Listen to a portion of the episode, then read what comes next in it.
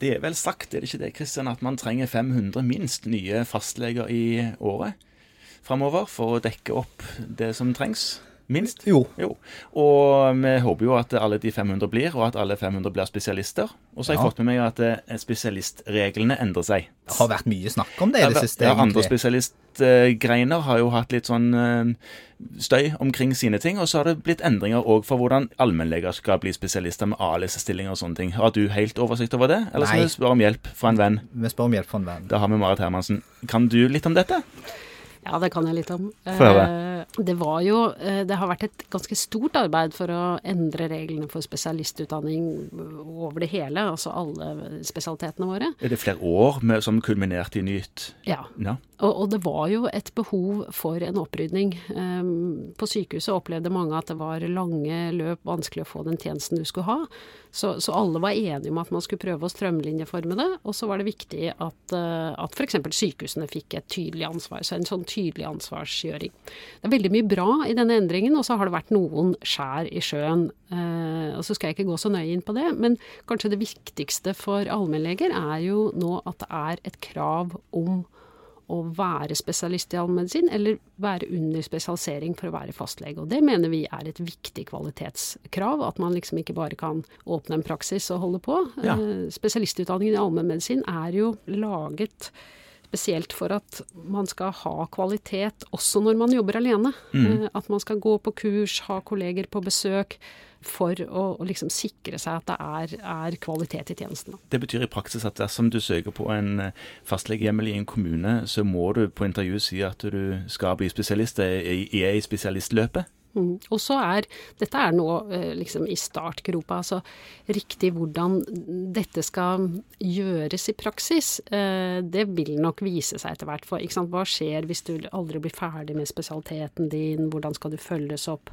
Hvor mye veiledning skal du få? Alt dette er ikke helt klarlagt, men det viktigste er at man faktisk starter et spesialiseringsløp på samme måte som man har gjort i sykehus. Ja.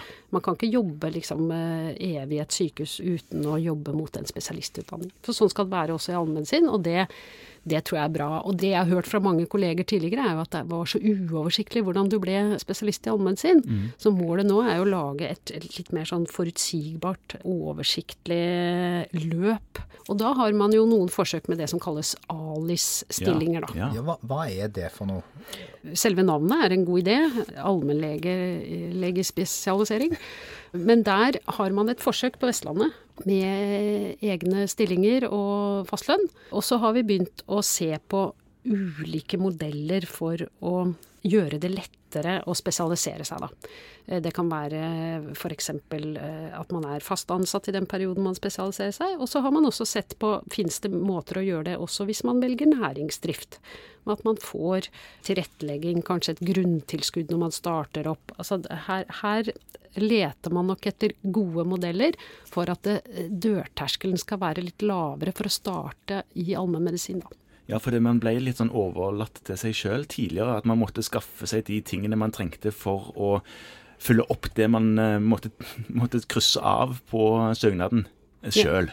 Nå skal du liksom gå inn i et mer sånn ordna opplegg hvor du begynner på den ene siden og kommer ut noen år etterpå på den andre siden og alt er gjort. Ja, Det er tanken. Og, og Legeforeningen har jo hatt et stort ansvar Ja. i, i hvordan dette gjøres og tilrettelegges. På samme måte eh, som nå sykehusene har fått et tydeligere ansvar for spesialistutdanningen i sykehusspesialitetene, så får kommunene nå et tydeligere ansvar.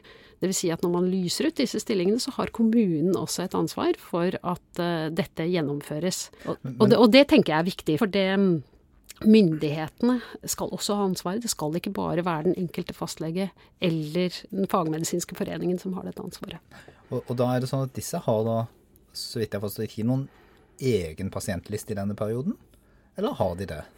Jo, øh, og det tror jeg er Altså, øh, her er det er det nok rom for ulike ordninger, men jeg mener jo at det å ha et listeansvar er noe av det som er sentralt i spesialiteten. At man ikke bare flyter oppå som en evig turnuslege, men at man har listeansvaret. Eh, men her har vi eh, et arbeid sammen med departementet nå, hvor vi prøver å uteske ulike modeller for dette. Eh, man kan jo tenke seg en fastlønnsstilling med listeansvar, eller at man starter vanlig næringsdrift, men får mer veiledning, eh, kanskje har en større kommunal stilling for å ha den økonomiske tryggheten. Men det er også noen som har sett på en, en type libero-stilling, f.eks. på et legesenter hvor du jobber på ulike lister. Men jeg tror det er ganske viktig å tenke at en stor del av spesialiteten skal være mer reelt listeansvar. Mm. Eh, for det er jo det som gir noe av kjernen i spesialiteten i allmennmedisin. Det er noen kommuner som har en sånn overgangsordning nå med en sånn, kall det en sånn introduksjonsstilling, hvor en liksom får prøvd seg litt i allmennmedisin inntil et par år kan du brukes, og ha det som tellende. Det blir en sånn oppå, de skummer liksom over fastlegene som er ansatt på et senter. Det er jo en slags en ordning som er nå, men som kanskje blir erstatta med de mer sånn systematiserte ALIS-stillingene på sikt. Ja, og det, det, kan være en måte å, å smake på spesialiteten på. For det er viktig at du har mulighet til det også i allmedisin.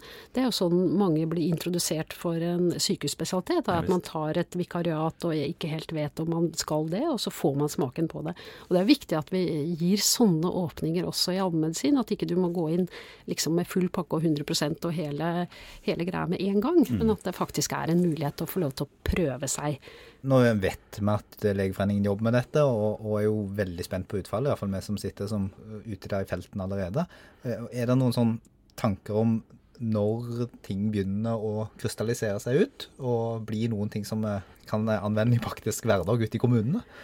Jeg tror i løpet av to-tre år nå så kommer vi til å se, se mye av dette. Og det, og det, ene er jo fordi vi har dårlig tid. Nettopp med den rekrutteringsutfordringen vi har, så må vi skynde oss godt for å, for å, gjøre dette. Og samtidig er det jo også sånn at uh, de fastlegene som er der ute, har uh, en altfor stor arbeidsbyrde, så vi trenger å dele det med flere. Så det er jo også av hensyn til rekrutteringen. Skynde oss godt er et veldig godt uttrykk. sånn det blir gjort skikkelig når det først gjøres, men fort nok. Men så er det en del av de tingene som er nå, de vil bestå sånn som veiledningsgruppe. To år i veiledningsgruppe vil fortsatt være. Ja, det, det, er et sentralt element. Men, ja. men det har um, vært et uh, ønske om mer veiledning. Altså mer sånn løpende veiledning. Ja. Uh, I dag så er jo det litt tilfeldig hvordan du får gjort det på legekontoret. Noen har jo organisert det. Det vil nå også, i tillegg til den organiserte gruppevise veiledningen, vil det være løpende veiledning. Vi har jo hatt en sånn vakuumsituasjon nå for noen av disse som har uh, tidligere måtte ha eh, obligatorisk veiledning, som ja. forsvant ved ja. disse endringene. Og da er det viktig at vi får på plass det nye systemet, sånn at når man er helt fersk som eh, allmennlege og starter opp, at man faktisk har en trygg veiledning av en erfaren kollega.